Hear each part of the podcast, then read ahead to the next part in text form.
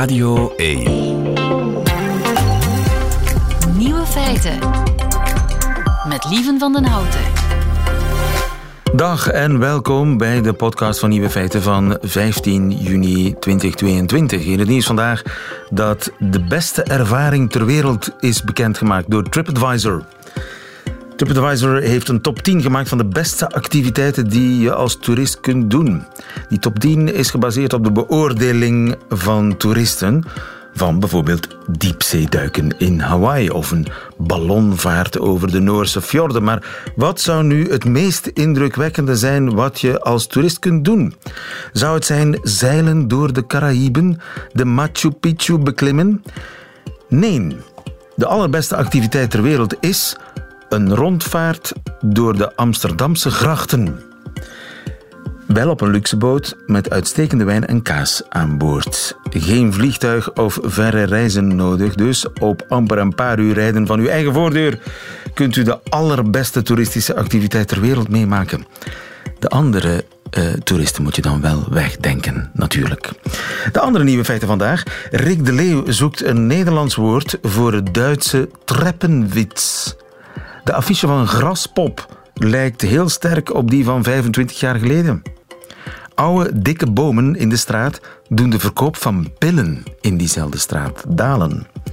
En we spelen de woensdagquiz ook vandaag. En de nieuwe feiten van Johan Terrein, die hoort u in zijn middagjournaal. Veel plezier. Nieuwe feiten. Dit weekend vindt in Dessel het metalfestival Graspop plaats. En het heeft meer iets van een antiques roadshow, want zo goed als alle headliners zijn 70 plus. Goedemiddag Stijn van de Voorde. Dag lieve. Uh, mijn Stubru-collega en uh, onze muziekkenner van dienst vandaag. Ik noem ze maar even. Judas Priest, The Scorpions, Deep Purple, de helft van Iron Maiden, Alice Cooper... Wat is de gemiddelde leeftijd? Uh, ik heb het niet uitgerekend, maar als je zegt dat, dat we rond de 70 zitten, dan uh, geloof ik het wel. Ze zijn allemaal 70 plus. En toch ja. de publiekstrekkers van het festival. Overigens, ik denk ja. dat de affiche van Graspop 25 jaar geleden ongeveer identiek moet geweest zijn. Ja, en toen bestond Graspop nog maar net eigenlijk. Hè, want Graspop bestaat sinds 1995, 96 als, als metalfestival. En eigenlijk vind ik het ook niet zo heel vreemd. Op zich is het natuurlijk wel vreemd dat 70-plussers, uh, dat is niet wat je klassiek als... Uh, Bejaarde de, muziek? De, be, ja, voilà, bevolkers van, van een festival ziet. Maar um, ja, die, die, dat zijn natuurlijk de mensen die erbij waren toen het genre uitgevonden werd. En als er nu iets is dat we leuk vinden, is dat we uh, klassiekers horen, gespeeld door mensen die ze ook geschreven hebben en heel lang geleden ook, ook gemaakt hebben. Daarnaast denk ik ook wel dat het metalpubliek niet bekend staat als publiek graag verandering meemaakt. Dus het genre um, metal is eigenlijk nog niet zo gigantisch geëvolueerd. Bij hip-hop en bij dance en zo is dat wel zo. Dan ben je eigenlijk vijf jaar later niet meer relevant. Terwijl bij metal hebben mensen niet zo heel graag dat er al te veel verandert. Dus ik denk de mensen die toen eind jaren 60 begonnen zijn met zo de iets of wat hardere muziek te maken. Um, die klassiekers die bestaan nog altijd. En het feit dat die niet meer zo frivol en niet meer zo fris gebracht worden, doet er dan eigenlijk niet toe. We vinden het eigenlijk veel leuker dat dat gebracht wordt door mensen die, die het ooit gemaakt hebben. En dan nemen we die rare grijze haren die niet al te dik niet meer bezaaid zijn, nemen we er dan gewoon bij, denk ik. En hoe zit het met het publiek? Ik bedoel, zullen er valse gebitten naar het podium worden gesmeten? Ik bedoel, zijn het ook allemaal 70-plussers? Ik denk ook bij festivals is, is het net hetzelfde. Ik denk dat heel veel mensen mee geëvolueerd zijn met de festivals. De eerste echte rockwerchters die iets, die iets voorstelden, ja, dat zit ook in de jaren tachtig. De mensen die toen jong waren, die zijn volgens mij ook gewoon blijven gaan. En daar, dat zorgt er gewoon voor dat de leeftijd, de gemiddelde leeftijd van een festivalganger ook veel ouder geworden is. In de jaren tachtig had je geen 40, 50ers die massaal naar een festivalweide gingen. Nu, nu heb je dat bij bepaalde festivals wel. En dat is allemaal een beetje nieuw voor ons. Uiteindelijk pop en rock en metal enzovoort. Het bestaat eigenlijk nog maar echt van, vanaf de jaren 60. En daarom zien we ook dat heel veel mensen gewoon die muziek leuk blijven vinden en het blijven volgen. Niet meer, zo, niet meer echt op de voet, maar wel voor de grote namen nog wel naar een wijde willen afzakken. En dat is ook een beetje de moeilijkheid voor festivals om dan een soort van gemiddelde te vinden. Want je wil die oudere bezoeker niet afstoten, want ja, die, die komen graag en die hebben ook een loon om te spenderen. Maar anderzijds wil je ook niet in een boomerfestival worden of veel erger. En je moet een beetje een mix nog proberen erger. vinden. Ja, ja, maar ik wil proberen om een mix te vinden uh, waarbij je de, de oude festivalganger die nog graag eens buiten komt en dan de nieuwe die ook belangrijk zijn voor het bestaan van je festival, om die, om die te houden. Ja, die mix vinden, dat is volgens mij een van de moeilijkheden waar zo de laatste twintig jaar ook wel wat mee geworsteld wordt door, door mensen die festivals moeten programmeren. Ja, ik, ik kan me best voorstellen dat je als 50-plusser in een nostalgische bui je helden van toen nog eens wil zien, dat vind ik niet zo verbazend. Wat ik wel verbazend vind, is dat de, de tieners en de twintigers van vandaag ook die oude helden willen zien. Ik denk niet op elk festival, maar bij sommigen bij sommige kan het wel. Ik denk bijvoorbeeld, zo'n Paul McCartney, een paar jaar geleden stond hij ook op, op Rock Werchter.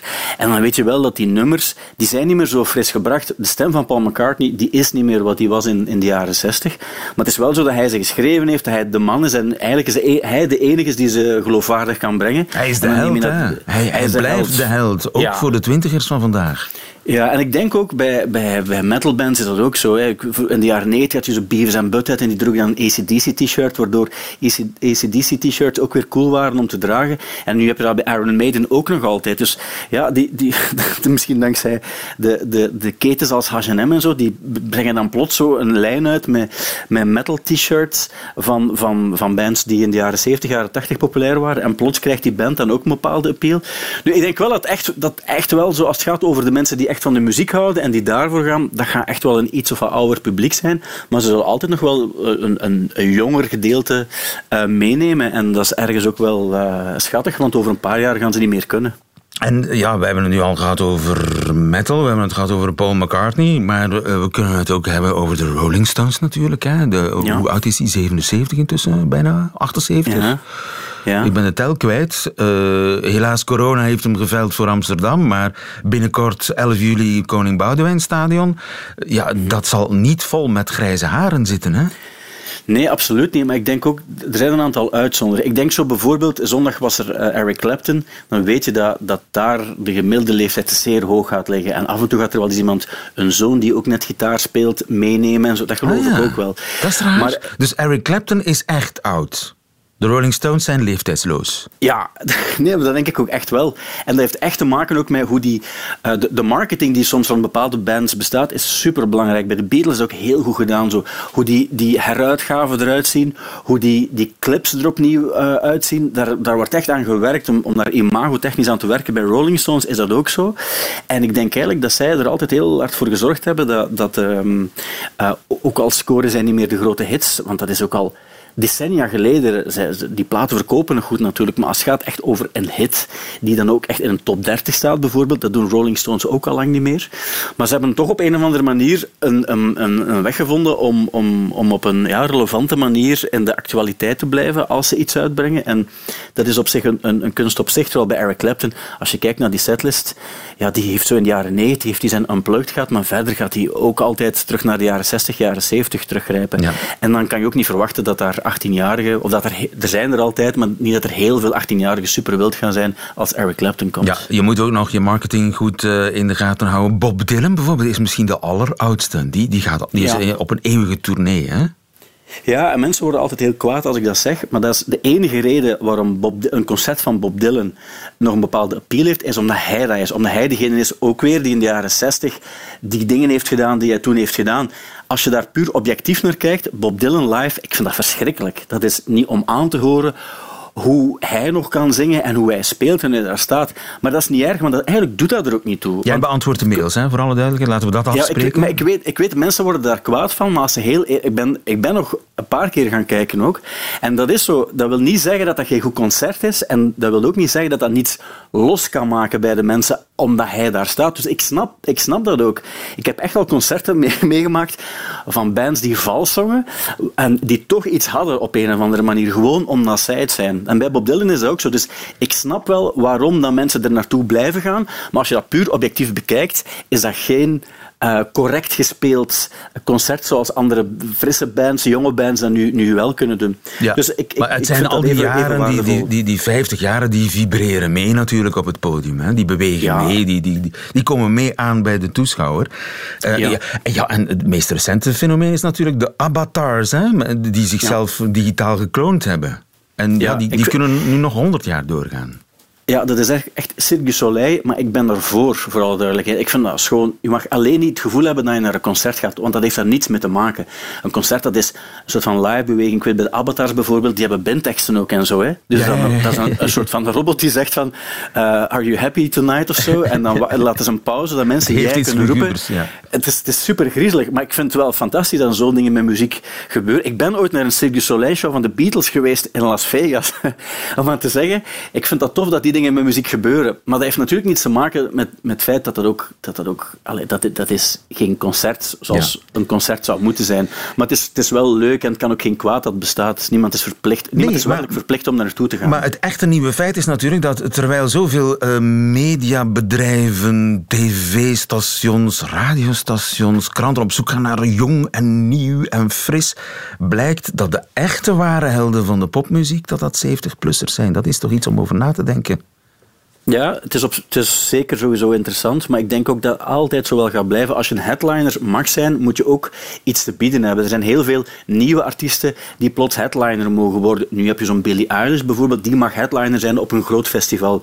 Maar verder mogen het alleen maar bands zijn die gigantisch populair geweest zijn gedurende een bepaald aantal eh, decennia zelfs. En dan verdien je het om headliner te zijn. Daar, ja, da- dan, da- dan heb je als en dat is ook hetgeen wat, ook een bepaalde waarde heeft en waar ook veel voor betaald wordt festivals zelf ook.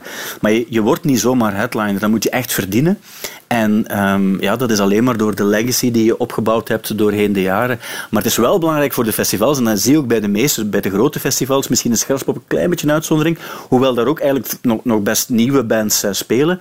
Maar die mix vinden tussen heel oud en, en een legendarisch statuut, en dan ook de nieuwe dingen die ook belangrijk zijn om je, om je festival eh, en je, je affiche levendig te houden, da- daar wordt ook wel heel veel aandacht aan besteed. En dat is ook wel heel belangrijk. Stijn van de Voorde, dat waren hele wijze woorden. Dankjewel daarvoor. Goedemiddag. Graag gedaan. Nieuwe feiten. Radio 1. In nieuwe feiten worden nieuwe woorden geboren. Vorige week eh, is nog geboren het woord eergenoot. Een positiever woord voor het eh, lelijke woord ex. Je ex-lief. Dus eergenoot is eigenlijk iets leuker om, eh, en iets liever. Overouderen is ook nog een woord dat er geboren is in de rubriek het ontbreekwoord. Ouder worden dan je ouders ooit geweest zijn, zoals Rick de Leeuw. Zelf eh, eh, ja, is eigenlijk een overouder zoon. Maar wat is het woord dat we vandaag laten geboren worden? Het ontbreekwoord. Rick de Leeuw gaat op zoek naar woorden die in onze taal helaas nog niet bestaan. Dag Ruud Hendricks. Dag lieven. Ruud, Rick. eh, Ruud Hendricks, jij bent de, ja, iets van, van, de directeur, zeg maar. De hoofdredacteur. van Van Dalen. Ehm, en jij helpt ons eh, meekiezen naar een woord dat thuis hoort op de ontbreekwoordenlijst. Met dank ook aan de luisteraar van Radio 1, die massaal zijn creativiteit laat opborrelen en zijn brein laat stormen. Vorige week hebben we het woord, eh, wat was het ook alweer, voor ex-lief, eergenoot gevonden. Eh, deze week eh, moeten we op zoek naar een alternatief voor het woord ongelovig. Want daar had jij iets tegen, hè Rick? Eh, ja, eh, het probleem met het woord ongelovig is dat je automatisch in de tegenstelling terechtkomt van gelovig-ongelovig. Terwijl als je ongelovig bent, heb je eigenlijk niet zoveel te maken met dat geloof. Dus je, je, je, er is alleen maar een negatief woord voor Ja, de ontkenning daarvan. de ontkenning. Terwijl je bent geen ontkenning als je Nee. ongelovig bent. Exact. Veel mensen zeiden al dat er een woord voor was. Agnost, atheïst. Maar ja, dat is eigenlijk gewoon precies hetzelfde. Die A, dat is gewoon een ontkenning van theïst of agnost. Dus er zijn een heleboel... eh, ja, want het was een moeilijke opdracht. Geert de Cresson, die eh, stuurde de- deze tip. Belever. Ik snapte hem niet goed. Believer, belever. Ja, ik heb de uitleg gelezen van, van de luisteraar, maar ik voel het niet. Dus, en ik denk, als je het woord moet uitleggen, dan klopt er iets niet mee. Ik moet er even bij vertellen dat beroepshalve jij heel streng bent. Hè? Ja, ja, ja. ja Een opdracht heel streng. Ja, natuurlijk. Dus Geert, trek het je niet aan, maar Helaas, volgende keer beter. Yves, Yves in de herbergen, die heeft het over een ditist. Rick, vers- versta jij? Ditist. Ik vind hem heel mooi. Eh, Maar- dus, eh, eh, Wat is de uitleg? Dit is... dit is me. Ja, dit, meer is het niet. Dit is het. Oké. Ik, ik, ik ben er wel voor. Is Jan, that een, all there is? Yes. Yes. So let's keep dancing. Het is, Jan de Mol heeft het over een nietsist. Dus, maar dat, dat, daar zit wat negatiefs in. Is dat het onze Jan de Mol? Mijn Jan de Mol? Die de muziek eh, kiest, ook onder, dat- onder veel dat- meer in? Of is er, Daar- er zijn meerdere Jan de zijn Moeten we een onderzoekscommissie opzetten? Ja, ja, Een niets is... En dat zit, daar zit een mooie verwijzing naar Nietzsche in natuurlijk. Die eh, als eerste heeft eh, gezegd dat God dood is. Maar, maar een nietsist vind ik te negatief klinken. is Vind ik niet, een ditist. Ja. en een, er was ook nog Leentje van Hoorde die het over een hier-nu-ist had. Hmm. Dus over het hier en nu. Niet het, het dan en daar, het hiernamaals. Maar het is hier, hier-nu-ist. het is nu. Ik En vind, hem, ik hier-nu-ist. vind hem ook wel mooi, jij niet? Ja? eh Ruud? Ah, ja, je moet het allemaal weer uitleggen. Nu, dat is natuurlijk maar in het begin een bezwaar. Hè? Hier nu is het eigenlijk een beetje een nudist, hè? Dat zeg je. Ja, nee, maar ik bedoel, het is iets waar... Ik ben een hier nu is, dat zeg je toch een beetje... Als je Ja. dat zegt, dan gaan er stoelen schuiven. Zo van, oeh, Ja, ja, dat gevoel heb ik ook. Ja. Ah, dus we moeten op zoek naar nog iets anders. Ah! Er was nog één mooie die van eh, een, een Thomas. Dus, Een Thomas. van ongelovige Thomas. Hey, dat is een goeie. ja, dat kan. Maar ja. dat kan, maar ik zie, jou, ik zie aan jouw ogen, ja, dat moet je ook uitleggen. Hè? Ik- Ja, je moet te Ja, veel uitleggen. Een Thomas. Ja. Maar het, het mag Maar even gebruikt goed, worden. dank Thomas van den Bergen. Het is niet voor niks dat hij eh, op dit idee kwam. wat, wat vinden jullie van zelfdenker? Dat vonden wij het mooiste. Aha. Ja. Allebei, dus Rick, jij bent het daarmee eens. Ik ben het vanzelfsprekend eens met de hoofdredacteur van Van Dalen. Dat spreekt voor zich. Ja. Maar ik vind zelfdenker ook een, een, een, een mooi autonoom woord. Ja. Kijk, waarom ik het het mooi hoor. Ik probeer het voor mezelf uit te leggen. Ehm, je, hebt het, je hebt de kwestie tussen geloven, dat moet je eigenlijk gewoon maar aannemen. Klakkeloos zeggen van ja, ik geloof het. Terwijl je in de plaats daarvan zelf denkt. Hm? Dus een zelfdenker, dat leek mij een, een, een goed woord. Ja. Eigenlijk is het een soort vrijzinnige. Oh ja. Maar Dus vrijzinnige betekent in Nederland iets heel anders dan Juist, hè? juist, juist. Nu, Je ik kunt een vrijzinnig protestant zijn, VPRO. hè. Ja, die zijn bij ons, vrijzinnig. bij- ja. ja. dus in Vlaanderen betekent vrijzinnig eigenlijk ja, ongelovig. Ja, en, en, en soms zit daar ook wel iets Een in van club. anticlericaal. Ja. Hè, Zo van, dus- we zijn tegen de kerk. Zelfdenker. Ja, en het mooie daarvan is, het, dat woord is eigenlijk twee eeuwen oud. Het is helemaal niet nieuw. Het, het, het, nee, het, het is, Het is ooit- een herontdekwoord. het is een herontdekwoord. En daarom alleen al vind ik dat we het weer echt dat ge moeten geven wat het, eh, wat het heeft gehad. En, en wat, betekent Bestaansrecht. het, wat betekent het dan in, in vroegere tijden? Een onafhankelijke denker. Aha. En het werd ook 200 jaar geleden al wel eens gecontrasteerd met de geestelijkheid. Dus het was een ongelovige, ook in de 19e eeuw, een, een- zelfdenker. Een onafhankelijk denker, iemand die zelf dacht en niks zomaar geloofde. Oké, het is beslist. Het woord zelfdenker gaat op de Radio 1 Rick de Leeuw ontbreeklijst. Rick, welk woord moeten we voor jou de komende week gaan zoeken? Er blijven nieuwe vragen komen, lieve. Ehm, luisteraar Caroline Bruinseels bijvoorbeeld, die zou graag een nieuw woord willen voor kinderloos. En dat zowel voor bewust als voor ongewild, ongewild kinderlozen. Ehm, en luisteraar Veerle Saman, dat is prachtig, die merkte op dat in het Nederlands geen woord bestaat voor de eerste keer dat je bij je schoonouders op bezoek gaat. Horror, dat bestaat toch het woord horror? Nee. Horror. Nee, nee maar zo'n woord bestaat namelijk wel in het Chinees. Dus Veerle roept ons op, eh, ehm, help ons dat woord in het Nederlands te vinden. Maar dat brengt me bij Hou het allemaal in het achterhoofd. Maar Ja, deze week gaan we op zoek bij naar. het ontbreekwoord van deze week. Woorden die in andere talen wel bestaan en bij ons nog niet. Zo heb ik nog altijd geen mooi alternatief kunnen bedenken voor het Nederland, in het Nederlands voor eh, Skyline. De suggesties zijn ook daarvoor enorm welkom. Maar het allerliefst zou ik de aandacht willen vragen voor het volgende. Iedereen kent het gevoel dat ik nu ga beschrijven. Je hebt een discussie gehad met iemand. En vlak nadat die discussie is beëindigd, weet je opeens precies wat je had moeten zeggen. Het Ja. beslissende argument openbaart zich, maar helaas te laat.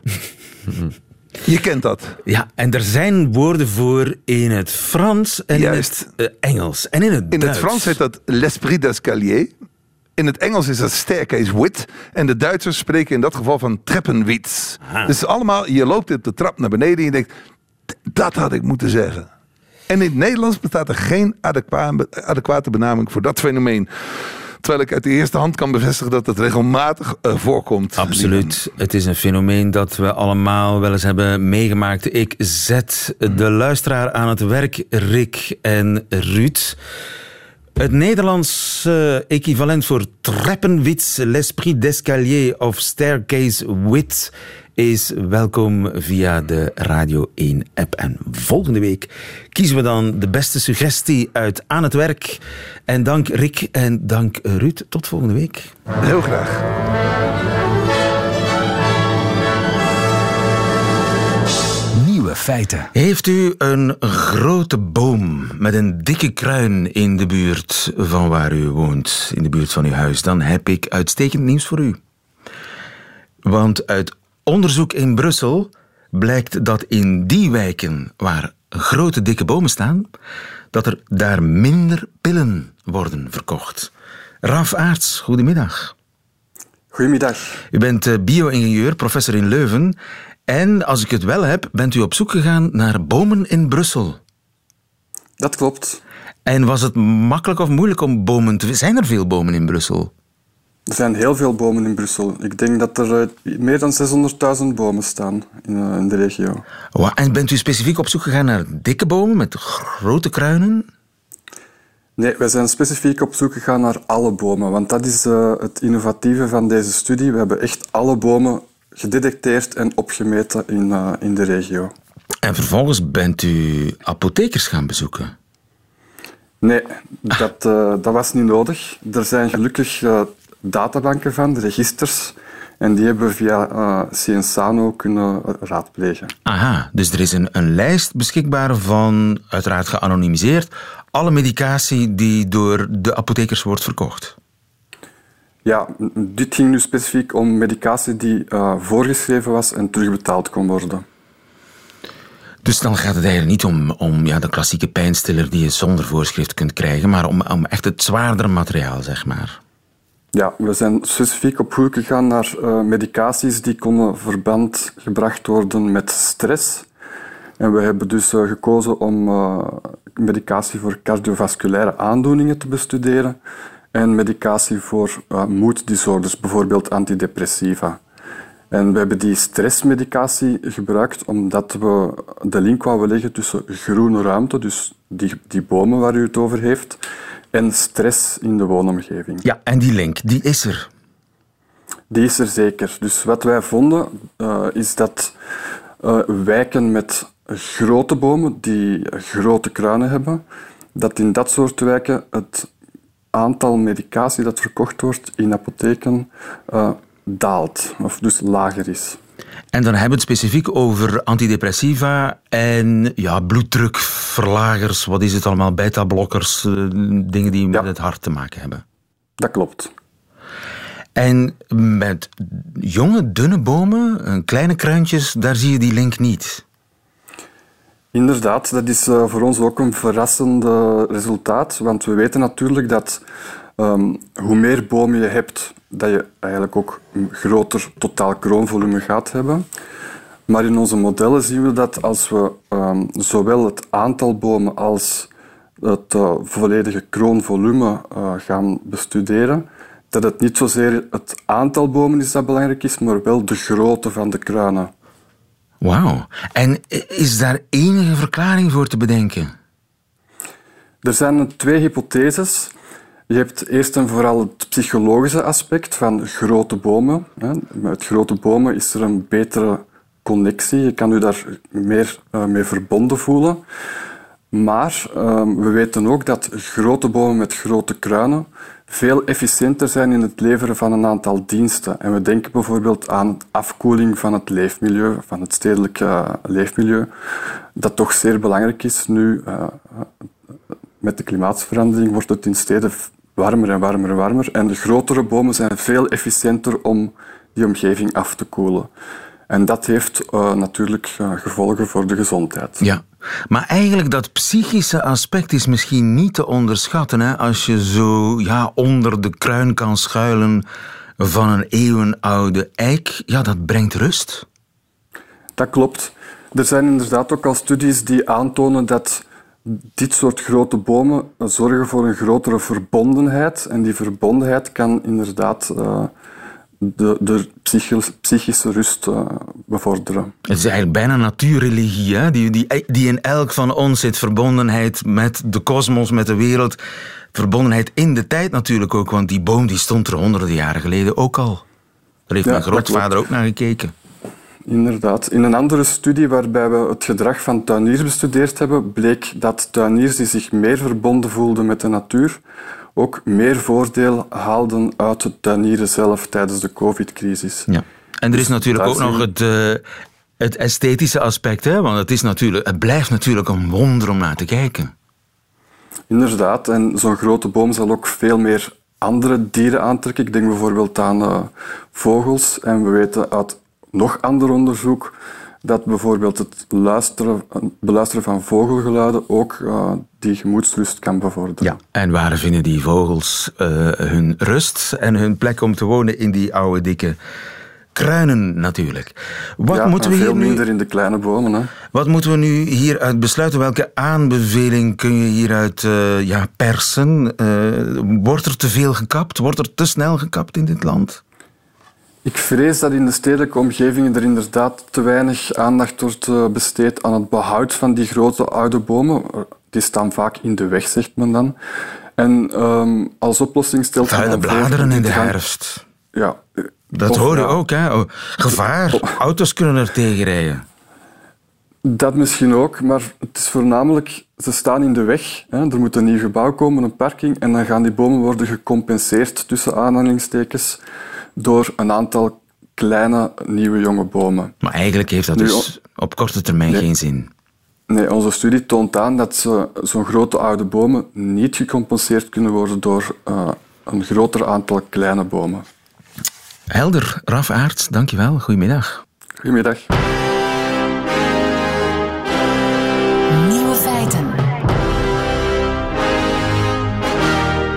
Woensdag quiz. Samengesteld door een twaalfjarige, namelijk Gilles Wijkmans. Uh, welkom Gilles, uh, we gaan quizzen. Uh, we spelen voor een boekenbon natuurlijk. Doen we elke week een boekenbon van 25 euro in te wisselen bij een onafhankelijke boekhandelaar aangesloten bij Confituur. En we spelen onder meer met Aaldert. Dag Aaldert. Goedemiddag, lieve. Aaldert Prins, waar was je mee bezig? Ik was onderweg naar de terrein uh, om uh, naar Leuven te gaan werken. En je werkt daar in? In KADOC, uh, onderzoekscentrum. KADOC, inderdaad. Ja, voor religie, cultuur en samenleving. Je doet nuttig werk en je speelt tegen Mart. Dag Mart. Hallo, goedemiddag. Mart, wat was jij aan het doen? Ik ben op bezoek bij een vriendin met haar baby. Ach, schattig hè? Ja. En is het een bolk? Oh, ze, ze, ze, is al een beetje, ze is niet pas geboren, maar ze is nog altijd prachtig. Ja. Ze is nog altijd prachtig. Niet echt meer een wolk, maar, maar nog altijd prachtig. Marten Aaltert, ik ga jullie kennis eh, testen van uh, vier nieuwe feiten. Ik begin bij Aaltert, die zich het eerste heeft gemeld. Zolang hij juist antwoordt, blijft hij aan de beurt. Bij een foute antwoord gaat de beurt naar Mart. En wie het laatste nieuwe feit goed kent, die wint deze quiz. Aldert, welk woord is tegenwoordig verboden voor de leden van de grootste oppositiepartij van Zuid-Korea? Welk woord? Is dat A. Watermeloen? B. Cavia? C. Regering? Oesje. Ja. het is echt waar, het is geen grap, hè? Nee, nee, dan zou, kies ik voor cavia. Het zou wel fout zijn, maar bol. fout! Mart?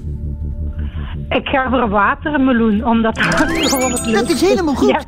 Omdat het gewoon het leukste is en het klopt ook nog. Het klopt inderdaad, ja. Watermeloen is blijkbaar een veelgebruikt scheldwoord binnen die partij.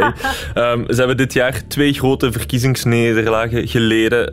Eén ehm, bij de presidentsverkiezingen in maart en dan nog één bij de lokale verkiezingen in juni. En veel partijleden geven elkaar er de schuld van. En watermeloen wordt eigenlijk gebruikt in de context van je bent van binnen anders dan je van buitenaf doet uitschijnen. Tweede vraag is voor Mart. Wat kunnen onze hersenen volgens nieuw onderzoek? A.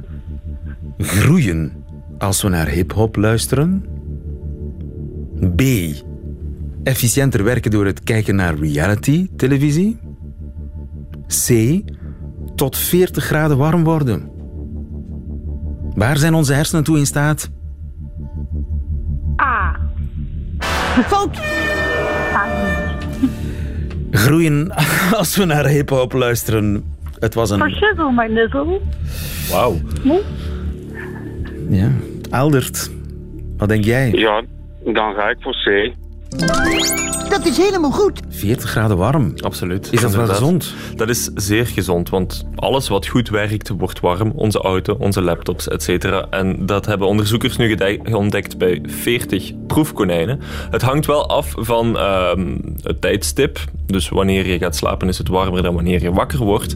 En van je geslacht. Want bij vrouwen is het in, na de ijsprong een halve graad warmer nog dan bij mannen. Dus de hersenen van vrouwen werken beter. Ik durf dat hier te concluderen. Of die onderzoekers dat zelf zeggen, dat weet ik niet, maar ik durf dat te concluderen. Vraag 3 is voor Aldert. Waarom werd een Amerikaanse man drie keer in drie weken gearresteerd? A. Hij voederde de vogels te veel. B. Hij verfde zijn huizen in de kleuren van de Oekraïense vlag. C. Hij wandelt op handen en voeten omdat hij zich identificeert als Shetlandpony. Dan ga ik voor het meest wa- onwaarschijnlijke, het laatste, C. Fout! Het is echt eh, heerlijk hoe dat eh, heen en weer zwiept. Mart, Eh, A. Dat is helemaal goed. hij voederde te veel vogels. Ja, in Sodus, dat is een Amerikaans stadje, is het blijkbaar de regel dat je maar twee voederschotels per huishouden mag hebben. Die man had er 24, drie keer op drie weken gearresteerd en wordt nu aangeklaagd voor het illegaal voederen van wilde dieren. Een recidivistvoederaar. Absoluut. Maart, slotvraag. Als je die goed hebt, win je deze quiz. Pepsi heeft in Japan een nieuwe cola-variant op de markt gebracht. Wat is daar zo bijzonder aan, aan die variant? A. De cola kleurt groen als die op de ideale drinktemperatuur is. B. Het is een cola met zeevruchtenextract. C. De cola is zo aangepast om beter te smaken bij gefrituurde kip. Hmm, B. Fout! Aldert, Aldert, Aldert, Aldert, Aldert. Het ziet er heel goed uit, maar je moet wel nog binnenkoppen. Dan ga ik blijf hardnekkig volharden in de boosheid. Ik ga voor C. En Dat is helemaal we goed. hebben een winnaar.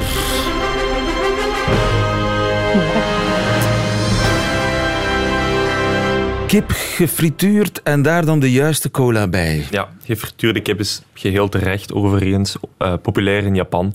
En Pepsi heeft dus een cola uitgebracht die daarbij gepaired kan worden, zoals dat dan heet. Ehm, Hoe smaakt dat? Wel, hij is minder zoet en heeft een minder uitgesproken smaak. Hij heeft ook geen calorieën, want die zitten er al genoeg in de gefrituurde kip. En hij is ook nog eens kleureloos. Kleurloze cola. Ja. Only in Japan. Maart, helaas, ik moet je met lege handen naar huis sturen, maar niet getreurd. Het leven Nee, is mooi, de zon schijnt, et cetera, et cetera. hè. En Aldert, jij wint die boekenbon van 25 euro. Enig idee welk boek Ja, je mag ermee- ik, mag ik nog even iets zeggen over die kleur groen? Ja? Ik heb ooit in Kortrijk een staaltje maar, eh, ketchup van Heinz gekregen dat ook groen was. Waren dat aan het testen, maar dat is niet aangeslagen blijkbaar. Ja. Ja, groene ketchup. Was toch niet zo populair. Aldert, dankjewel voor deze extra informatie. Wat ik wou vragen, welk boek ga je kopen voor je 25 euro boekenbon? Weet je dat al? Ja, ik ben gisteren naar Bart van Loo geweest, de Bourgondiërs, dus eh, ik ga dat boek kopen. Dat is een verstandige, uitstekende keuze. Albert Prins, nogmaals gefeliciteerd. En volgende week is er weer één woensdagquiz.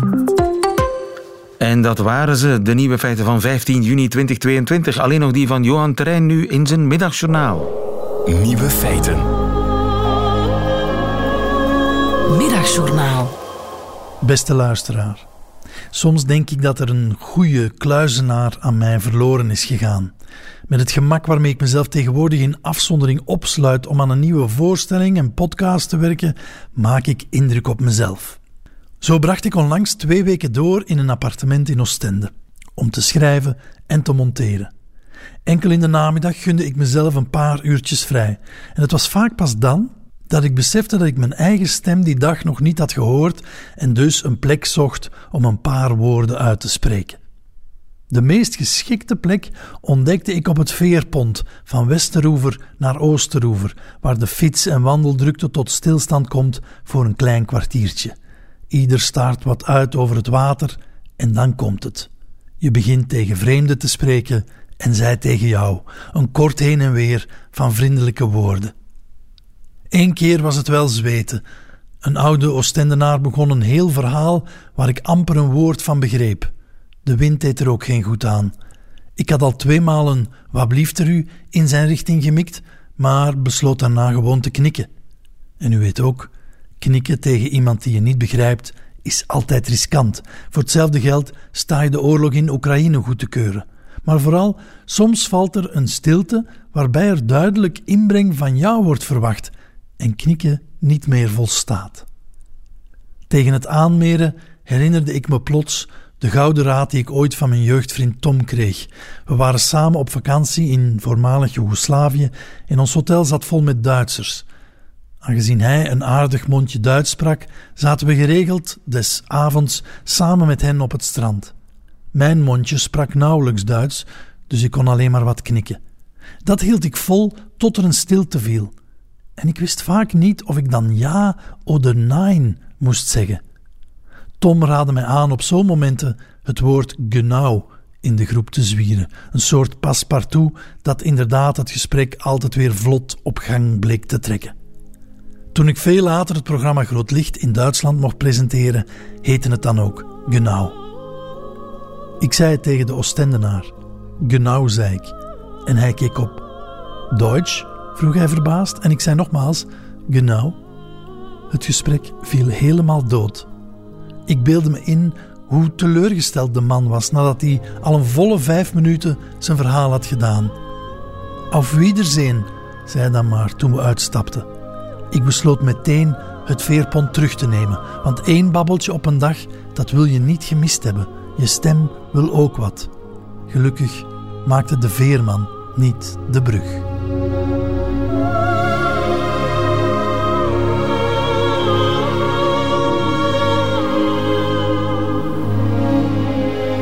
Johan Terrein in het middagjournaal. Einde van deze podcast.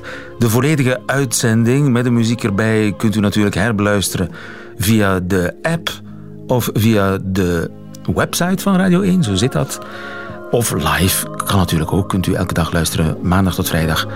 Van 12 tot 1. Tot een volgende keer.